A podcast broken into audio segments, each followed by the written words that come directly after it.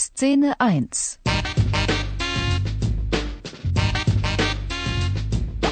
Zirkus im Supermarkt oder wie der Regen die Leute zusammenbringt.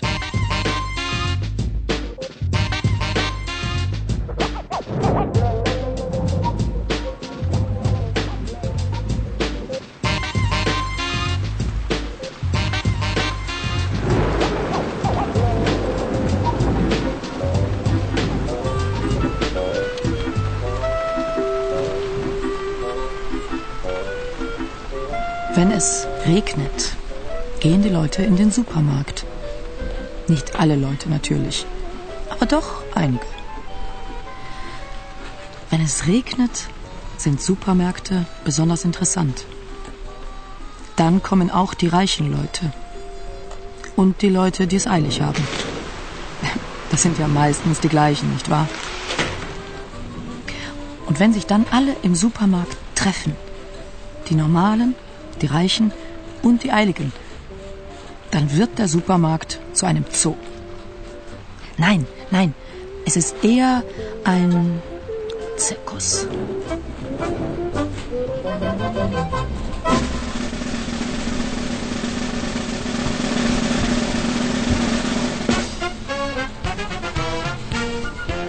Treten Sie näher, meine Damen und Herren. Hereinspaziert. Im Supermarkt finden Sie alles, was Sie brauchen. Und alles, was Sie nicht brauchen. Vergessen Sie den Regen draußen, spazieren Sie bei uns herum, lassen Sie Ihre Kleider trocknen. Aber vergessen Sie nicht, der Supermarkt ist ein Zirkus ohne Tiere. Ihre Freunde mit vier Beinen müssen draußen bleiben.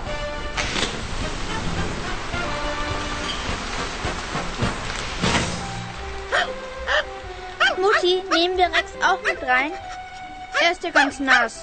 Na ja, komm, wir nehmen ihn mit rein und binden ihn gleich beim Eingang an. Dann wird er wieder trocken. Ja, guter Hund. Ja, du kommst auch mit rein. Verzeihen Sie, der Hund muss draußen bleiben. Wie bitte? Bei dem Regen?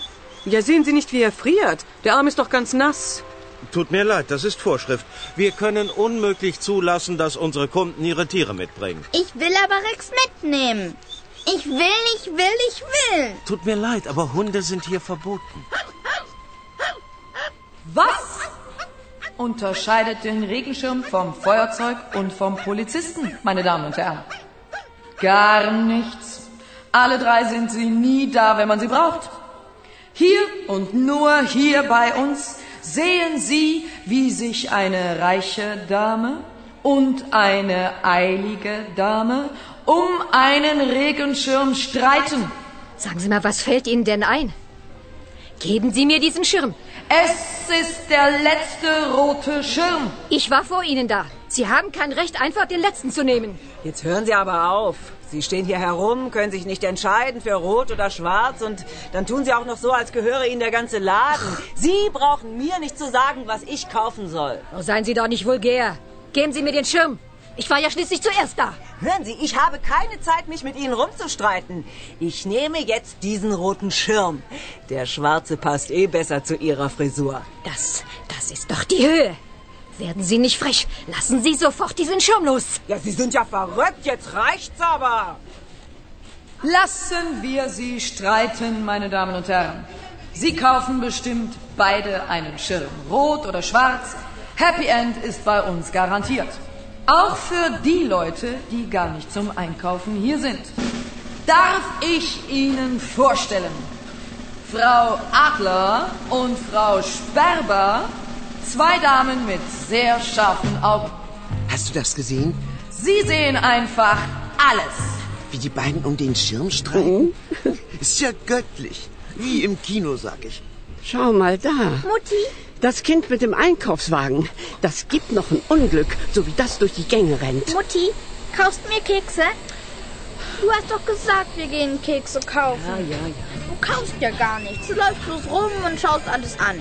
Ich will meine Kekse. Jetzt hör endlich auf zu quengeln.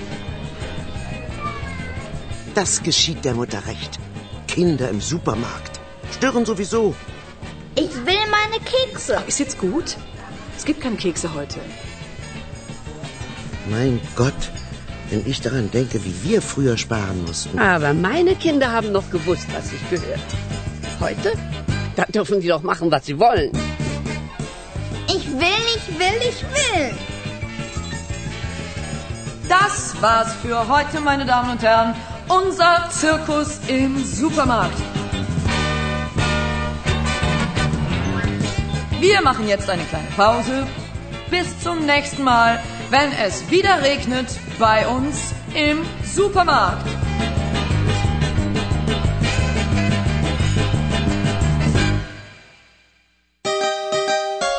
Das war das Spiel. Jetzt sind Sie dran. Bitte sprechen Sie nach.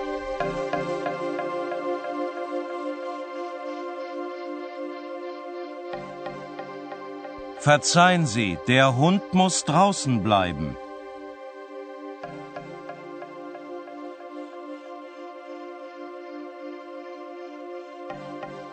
Der Hund darf nicht hinein. Haben Sie das Schild nicht gesehen?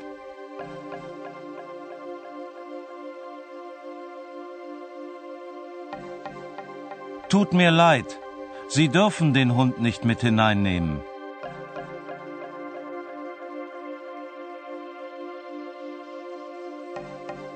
Entschuldigung, aber Hunde sind hier verboten.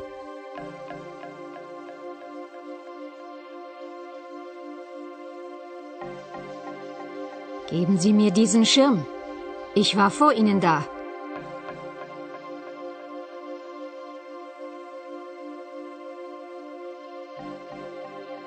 Jetzt hören Sie aber auf.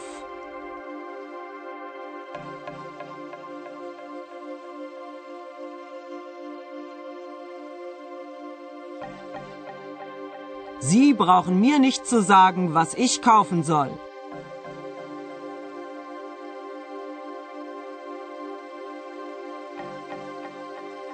Das ist doch die Höhe. Werden Sie nicht frech.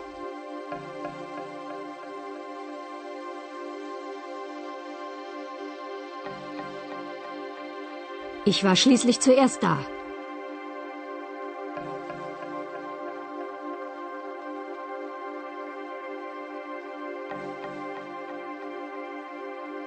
Sind Sie verrückt?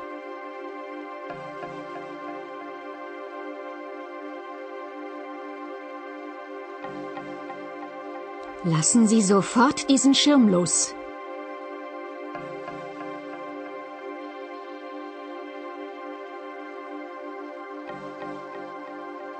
Jetzt reicht's aber.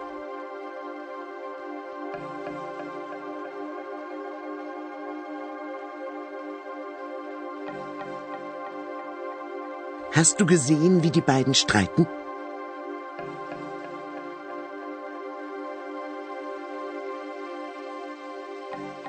Schau mal da.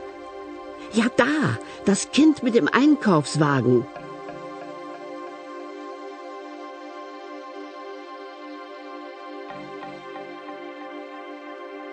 Ich sage dir, das gibt noch ein Unglück.